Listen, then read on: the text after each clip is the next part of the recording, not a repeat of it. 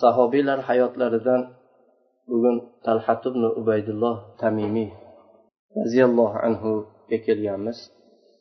Talha roziyallohu anhu haqlarida rasululloh sollallohu alayhi vasallam kim yerda yurgan o'zini tamoman ahdini muhlatini o'tab bo'lgan lekin o'zi yerda yurgan.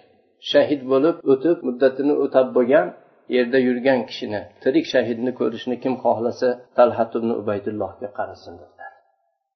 Talhat ibn ubaydulloh taymiy savdogar ya'ni islomdan oldingi hayotlari savdogar bir kishi edilar. Quraysh savdo karvoni bilan birga shom shaharlariga tijorat uchun u kishi ham karvonga qo'shilib chiqdilar. Karvon busro shahariga yetib borgan vaqtda qurayshning tajribalik yoshi ulug' kishilari bu busroning obod bozorida sotib olib sotib shunday tijoratga qattiq kirishib ketdilar. Talha u vaqtda yosh yigit hali voyaga yetmagan yosh yigit bo'lishiga qaramasdan bu ulug' zotlar katta yoshdagi odamlarni tajribalariga o'xshagan tajribasi yo'qligiga qaramasdan u ham nihoyatda zakiy nihoyatda fikri o'tkir e, ular bilan bellashishlikka unga imkon beradigan zakovati uddaburronligi bor edi. Va ba'zan ulardan ko'ra oldi sotdida yaxshiroq tijoratlarni qilishlik imkoni bu talhada hosil bo'lar edi u kishi najot topar edi talha bozorga har tarafdan kelgan tashrif buyurganlar ichida shunday bozor to'lqinlanib turgan vaqtda u kishi ertalab bozorga borar edi qaytar edi har kun bozorda shunday bo'lib turgan vaqtda faqat talhani hayotini oqimini emas balki bu tarix yo'lini tarixni oqimini tamoman o'zgartirishlikka sabab bo'lgan bir ish shu busro bozorida bozor ichida tarhaga yuz berdi. Bu haqdagi so'zni talhat ibn ubaydulloh bizga shu ta'sirli qissalarni o'zlari rivoyat qilib aytadilarki men busro bozorida edim. Bu nasorolarni ulamolardan bittasi odamlar ichida baland ovoz bilan hammaga shu e'lon qilib tarqata boshladi. Aytardiki ey savdogarlar jamoasi menga bir quloq solinglar. Bu mavsumda bozorda hozir bo'lganlardan so'ranglar. Ey sizlarni ichingda haram ahlidan biror kishi bormi? deb baqirardi. Makkadan kelgan odam bormi? Baytulloh bu haram ibrohim alayhissalomni haramlari oldidan bu yerdan kelgan hech bir kishi bormi? Bir so'ranglar surishtiringlar dedi men shunda bu odamga yaqin joyda turuvdim deydilar talha roziyallohu anhu. Keyin men unga oldiga shoshilib odamlarni ichidan oralab bordim. Ha men harom ahlidanman nima deysiz dedim. Shunda u rohib qarab aytdiki sizlarni ichida ahmad chiqdimi dedi. Men aytdimki ahmadingiz kim? Rohib ahmad ibn abdulloh ibn abdul muttalib dedi. Bu uni chiqadigan eng oxirgi oyi mana shu oy dedi. Shu oyda u chiqqan bo'lishligi kerak dedi. Sen u yerdaligingda chiqdimi dedi. Bu odam chiqqan bo'lsa u kishi payg'ambarlarni oxirgisi bo'ladi. Shu haram yeridan chiqish kerak. Keyin qora toshlik bir tog'lari bor boshqa bir yerga hijrat qiladi u kishi dedi. Xurmolari bor yeri sho'r bo'lgan suv ko'p chiqadigan namligi bo'lgan bir joyga hijrat qiladi dedi. Agar shu odam chiqqan bo'lsa ho yigit dedi talhaga qarab. Boshqalardan kech qolma boshqalardan boshqalar o'zib ketib qolmasin dedi. Orqada qolib ketma dedi. Talha aytadilarki men bu so'zi meni qalbimga qattiq ta'sir qildi. Hatto biror kishini tanimaydi bizdan. U haramdan kelgan odamni surishtirib turib o'zlarini shu kitobida topgan o'zlarini ilmi bilan bu so'zni aytishidan men juda qattiq ta'sirlandim. Keyin tez narsalarimni yig'ishtirdim. Sotganim sot bo'ldi sotib olganlarimni yig'ishtirib tuyamga yuklarimni ortdim. Karvonga qaramadim. O'zim tez makkaga qarab qaytib ketdim deydi makkaga yetib borganimda ahlimga dedimki makkada men ketgandan keyin bir biror bir hodisa bir muhim ish bo'ldimi? Nima xabar bor? dedim aytdilarki ha bor. Bu muhammad ibn abdulloh o'zini payg'ambar deb davo qilyapti. Unga seni sheriging ibn abi quhofa ham ergashgan deb yana abu bakrni qasd qilib aytishdi. Talha aytadilarki men abu bakrni yaxshi tanir edim. U kishi juda ham xush muomala xush tabiat hamma yaxshi ko'radigan qavmini ichida obro'li kishi edi. Tojir edi xulqi ham yaxshi edi. Biz doim u kishiga juda e, yaxshi ko'rib o'rganib qoluvdik suhbatlarni yaxshi ko'rar edik u kishi qurashlarni xabarini tarixini yaxshi bilar edilar. Doim biz u kishi bilan borib suhbatlashishlikni shunday yaxshi ko'rar edik. Men tez abu bakrni oldilariga ketdim. U kishini oldiga borib bu muhammad ibn abdulloh sollallohu alayhi vasallam nubuvvatni izhor qilganligi keyin siz u kishiga ergashganligingiz to'g'rimi dedi. U kishi ha dedi. Va menga rasululloh sollallohu alayhi vasallamni xabarlarini qissa qila boshladi. Va meni u kishi bilan birga shu dinga kirishimga targ'ib qila boshladi. Shunda men bu busrodagi rohibni aytganlarini xabarini aytib berdim. Abu bakr bundan nihoyatda hayratga tushdilarda aytdilarki yur men bilan birga rasululloh sollallohu alayhi vasallamni oldilariga borib bu xabaringni u kishiga qissa qilib beramiz va u kishini aytayotgan so'zlarini ham sen eshitgin. Ollohni diniga kirishlik uchun dedi. Talha aytadilarki men abu bakr bilan birga muhammad sallallohu alayhi vasallamni oldilariga bordim. Menga islomni taklif qildilar va menga qur'ondan bir narsani o'qidilar. Va agar islomga kirsam dunyoyu oxiratni yaxshiligi bo'lishligi bilan menga bashorat berdilar. Shunda alloh taolo meni qalbimni islomga ochdi. Men islomni qabul qildim va rasululloh sollallohu alayhi vasallamga busrodagi rohibni aytgan so'zlarini xabarini berdi rasululloh sollallohu alayhi vasallam bundan juda xursand bo'ldilar. Quvonchlari yuzlarida ko'rinib turar edi. Keyin rasululloh sollallohu alayhi vasallamni oldilarida ashhadu an la ilaha illalloh va anna muhammadan rasululloh deb ochiq aytib e'lon qildim. O'sha vaqtda abu bakrni qo'lida islomga kirganlarni yo uchinchisi yo to'rtinchisi bo'lib men ham islomni qabul qilgan edim deydilar. Bu qurayshlik yigitni islomga kirishlari u kishini xonadoni ahli qarindosh urug'lariga yashin tushgandek qattiq bir musibat bo'ldi. Bu kishini islomga kirishligidan juda qattiq betoqat bo'lgan chidolmagan kishi u kishini onalari bo'ldi. Onalari bu kishini bunday aqllik har bir ishda uddaburron qo'llaridan bir ishlar kelishini ko'rib bu qavmiga sayyid bo'ladi deb umid qilar edi yaxshi hislatlari ulug' xulq atvorlarini ko'rib shunday deb umidi orzusi bor edi lekin bu kishini islomga kirishidan butun hamma narsasi qo'ldan ketganday qattiq chidolmadi onalar. Keyin bu talha roziyallohu anhuning qavmlari bu kishini dinidan qaytarishlik uchun hammalari shu oyoqqa turdilar hammasi kelib talhaga yaxshilik bilan dindan qaytarishlikka urinib ko'rdilar. Lekin talha roziyallohu anhu hech bir qimirlamaydigan mustahkam bir katta tog' kabi mahkam turib berdilar.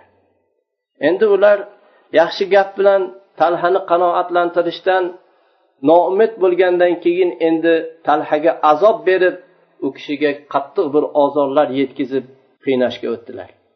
Masud ibn harrosh degan boshqa bir kishi gapirib aytadiki men safo bilan marva o'rtasida say qilib yurgan edim. Safo marva safo tog'i marva tog'i shuni o'rtasida hajga umraga borgan odamlar avvaldan shu o'sha yerda say deyiladi yetti marta borish kelish bo'lib yetti marta shu say qiladi. Bu ibodat bilan mashg'ul bo'lib yuruvdim. Ko'p odamlar shu olomon kelar edi bir oldiga bir yigitni solgan uni ikki qo'lini boshiga bog'lab qo'yishgan. Ular e, odamlar uni orqasidan shu ergashib lo'killab yugurishardi uni e, orqasidan itarib boshlariga urishar edi. Bularni hammasini orqasida bir yoshi katta qari ayol bu yigitni haqorat qilib bu yigitga baqirib borardi. Aytdimki bu ularga nima bo'lgan? Bu yigit kim? deb so'radim. Aytishdiki bu talhatibn ubaydulloh dinidan chiqibdi deyishdi. Bani hoshimdan yangi din olib kelgan yigitga ergashibdi ya'ni muhammad sallallohu alayhi vasallam. Aytdimki bu orqasida yurgan kampir kim dedi? Bu ayol siba bintul hodiramiy deyiladi shu yigitni onasi deyishdi. Shu holatni ko'rgan ekan. Bir yerdan kelgan bir boshqa odam. Keyin navfal ibn huvaylid rivoyat qilib aytyapti qurayshlarda bir qurashlarni sheri deb nomlanadigan bir baquvvat katta odam bor edi shu odam talhat ibn ubaydullohga turdida uni bir arqonga bog'ladi. Keyin abu bakrni ushlab kelib roziyallohu anhu u kishini ham qo'shib ikkalasini bog'ladi. Arqonga bog'lab turib ularni shu makkadagi ahmoq yosh yoshlarga berib unga endi o'zinglar olib borib azob beringlar sudranglar buni deb ularni qo'liga arqonni tutqazib qo'ydi. Ana shu kundan boshlab talhat ibn ubaydulloh bilan abu bakr siddiqni qarinayn deb aytiladi ya'ni birga bog'langanlar deyishadi. Kunlar o'tar edi hodisalar har xil azob uqubatlar musulmonlar boshlarida kechar edi. Talhat ibn ubaydulloh kunlar o'tar edi kishini iymonda kamoloti ziyoda bo'lardi. Ollohni yo'lidagi u kishini imtihoni qattiqlashar edi. Ollohni rasuli yo'lida u kishiga sinov og'ir bo'lar edi. Juda ham katta bir mashaqqatlar bo'lar edi. Va u kishini iymondagi mustahkamligi ham va islomga musulmonlarga yaxshilik qilishligi ham kundan kunga kengayib ko'payib borardi.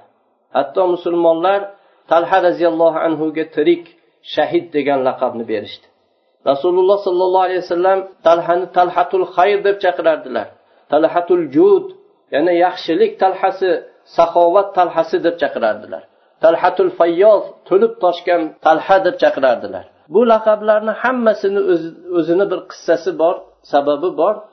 Bu bir biridan ajoyiblikda biri biridan qolishmaydigan ajoyib qissalar bor. U kishini tirik shahid deb laqablanishining sababi qissasi uhud kunida rasululloh sollallohu alayhi vasallam ozgina musulmonlar qolib boshqa musulmonlar ketib qoluvdilar. Nabiy sollallohu alayhi vasallam atroflarida shu ansorlar muhojirlardan talhat ibn ubaydulloh o'n bir kishi rasululloh sollallohu alayhi vasallam bilan qolgan edilar. Rasululloh sollallohu alayhi vasallam bunday ikkala tarafdan shunday qattiq hujum qilishdi. Rasululloh sollallohu alayhi vasallam o'zlari bilan birga bo'lganlar bilan toqqa chiqib ketar edilar. Shunda mushriklardan bir jamoa rasululloh sollallohu alayhi vasallamni qatl qilishni xohlab ularga yetib olgan edi. Rasululloh sollallohu alayhi vasallam bularni bizdan kim qaytaradi dedilar. Kim qaytarsa u jannatda men bilan birga bo'ladi dedilar. Talha men qaytaraman yo rasululloh deb turdilar. Rasululloh sollallohu alayhi vasallam yo'q san o'rningdan qimirlama dedilar. Ansonlardan bir kishi shoshilib yo rasululloh men qaytaraman deb turdilar. Unga rasululloh sollallohu alayhi vasallam izn berdilar. Sen qaytar dedilar. Bu ansoriy jang qildilar hatto qatl qilindilar. Keyin rasululloh sollallohu alayhi vasallam yana o'zlari bilan birga bo'lganlar bilan toqqa chiqaradilar mushriklar yana yetib oldilar. Shunda rasululloh sollallohu alayhi vasallam bir kishi ularni qaytaradigan kim bor dedilar. Har safar talha roziyallohu anhu men deb turar edilar. Rasululloh sollallohu alayhi vasallam yo'q sen joyingda tur dedilar. Ansorlardan bir kishi borib qaytarib turardilar. Oxirida bu ansorlar hammalari shahid bo'ldilar talha qoldilar. Shunda talha men urishaman dedilar ha endi sen urish dedilar. Rasululloh sollallohu alayhi vasallam ansorlar hammalari shahid bo'lgandan keyin endi sen urish deb talhaga izn berdilar. Bu kunda rasululloh sollallohu alayhi vasallamni ikkita tishlari sindirildi yuzlari yorildi lablari jarohatlandi. Rasululloh sollallohu alayhi vasallamni yuzlariga qon oqib turar edi. Ko'p qonlari ketdi urishdi rasululloh sollallohu alayhi vasallam zaiflashib qolgan edilar. Talha roziyallohu anhu mushriklarga shunday tashlanib rasululloh sollallohu alayhi vasallamdan ularni qaytarib jang qilar edilar. Jang qilib mushriklarni qaytarib yuborib tez rasululloh sollallohu alayhi vasallamga qaytardilar u kishini ozgina ko'tarib tog'dan yuqoriroqqa ko'tarib olib chiqib qo'yardilar. Keyin yana qayt rasululloh sollallohu alayhi vasallamni suyab o'tkazib qo'yib kelib mushriklarga yana yangitdan tashlanib hujum qilardilar. Mana shunday qilishda davom etdilar hatto mushriklarni rasululloh sollallohu alayhi vasallamdan u kishi qaytarardilar. Abu bakr aytadilarki roziyallohu anhu shu vaqtda men va abu ubaydat ibn jarroh rasululloh sollallohu alayhi vasallamdan uzoqda edik shoshilib keldik. Rasul sollallohu alayhi vasallamga yordam berishni xohlab boruvdik. Meni qo'yinglar sheriginglarga qaranglar deb talhaga aytdilar. Borsak talha shu kishidan qon sochilib yetmishdan ko'p shu nayza qilich bilan urilgan o'q tekkan shunday jarohatlari bor edi. U kishini bir qo'llari kesilgan edi. Keyin shulardan ketib bir o'rga yiqilib qolgan edilar. Rasululloh sollallohu alayhi vasallam shundan keyin aytardilarki kim yerda yurgan va tamom o'zini olloh bilan ahdini bajarib bo'lgan shahidga qarashlikni xohlasa talhat ubaydullohga qarasin der edilar. Abu bakr siddiq roziyallohu anhuga uhud kuni zikr qilinsa abu bakr siddiq roziyallohu anhu bu kun hammasi talhani foydasiga bo'lgan kun deb aytadilar bu talhat ibn ubaydulloh roziyallohu anhuni tirik shahid degan laqabni olishlarini sababi bu edi. Ammo talhatul xayr saxovat talhasi yaxshilik talhasi deyilishini bu kishini qissalarini keltirsak kitobimizga sig'maydi. Nihoyatda ko'p qissalar bor bu haqda. Shulardan bittasi talha roziyallohu anhu nihoyatda dunyolari ko'p katta bir tijoratlik tojir edilar. Bir kuni hazramatdan yetti yuz ming dirhamlik u kishini moli keldi. Shu kecha u kishi qo'rqib qaltirab g'amga botib tong ottirdilar. Ayollari ummu kulsum abu bakr siddiq roziyallohu anhuni qizlari. U kishini oldilariga kirib yo abu muhammad sizga nima bo'ldi? Nima bizdan bir shubhaga tushdingizmi? Nimaga uxlay olmaysiz? Bunday qo'rqib qaltiraysiz dedilar. Aytdilarki yo'q. Sen bir musulmon kishini eng yaxshi bu dunyodagi eng yaxshi jufti sensan dedilar. Lekin bu kecha men ko'p fikr qildim. Bu mol uyda turib bemalol uxlagan bir musulmon robbisini huzuriga borganda nima bo'larkin? Buni nima deb gumon qiladi deb men shundan qo'rqib uxlolmay chiqdim dedilar. Shunda ayollari aytdilarki nimaga bu sizni g'amga soladi? Ayna anta minal muhtajina min qawmika va ahillaik dedilar. Bu do'stlaringiz birodarlaringiz bo'lgan muhtojlar borku. Bularni turib siz nimaga tashvishga tushasiz? dedilar. Tong ottirsangiz bularni hammasini ularni o'rtasida taqsimlab bering dedilar. Shunda talha roziyallohu anhu senga ollohni rahmati bo'lsin. Sen olloh taolo tarafidan tavfiq berilgan ayolsan tavfiq berilgan kishini qizisan dedilar. Ertalab bo'luvdi pullarini dunyolarini yig'ib xaltalarga qilib uni butun muhojir ansorlar faqirlari o'rtasida tarqatib chiqdilar. Yana u kishini talhatul xayr talhatul jud degan bu laqablarni sabablaridan bittasi shu. Yana talha roziyallohu anhuni oldilariga bir odam keldi. Kelib talhaga aytdiki biz siz bilan bir qarindoshligimiz bor dedi. Man shunday muhtoj odamman dedi. Sizga men qarindosh bo'laman dedi. Ya'ni o'rtada rahmni u odam zikr qildi. Shunda bundan oldin bu qarindoshlikni menga hech kim zikr qilmabdi. Hech men o'zim bilmas edim dedilar talha roziyallohu anhu. Meni bir yerim bor dedilar. Unga usmon ibn affon uch yuz ming beraman deganlar. Agar xohlasang bu yerni o'zini ol xohlasang men bu yerni usmonga berib pulingni olib beraman dedilar. Shunda u odam aytdiki men pulini olaman dedi. Keyin pulini olib berdilar. Bu talhatul xayr talhatul jud tirik shahid bo'lgan zot mana shu kishi edilar. Rasululloh sollallohu alayhi vasallam u kishiga qo'ygan bu laqablar u kishini butun saxovati yaxshiligi talha fil janna talha jannatdadir deb o'zini jannat ahlidan ekanligini eshitgan talhaga bu rasululloh sollallohu alayhi vasallamni bashoratlari muborak bo'lsin alloh taolo u kishidan rozi bo'lsin u kishini qabrlarini olloh nurli qilsin olloh u kishini o'zini keng jannatlarida alloh mukofotlarini bersin. Alloh bunday zotlarni muhabbatlarini bizni qalbimizga ham alloh solsin. Alloh ularga muhabbat qilishlikni alloh bizga nasib qilsin. Rasululloh sollallohu alayhi vasallam al mar'u man ahabba dedilar. kim kimni yaxshi ko'rsa shu yaxshi ko'rgan kishisi bilan birga bo'ladi dedilar alloh taolo o'zi do'st tutgan o'zi bunday ulug' bir amallarga tavfiq bergan nasib qilgan shu zotlarni muhabbatlarini alloh bizga nasib qilsin سبحانك اللهم وبحمدك أشهد أن لا إله إلا أنت أستغفرك وأتوب إليك والسلام عليكم ورحمة الله وبركاته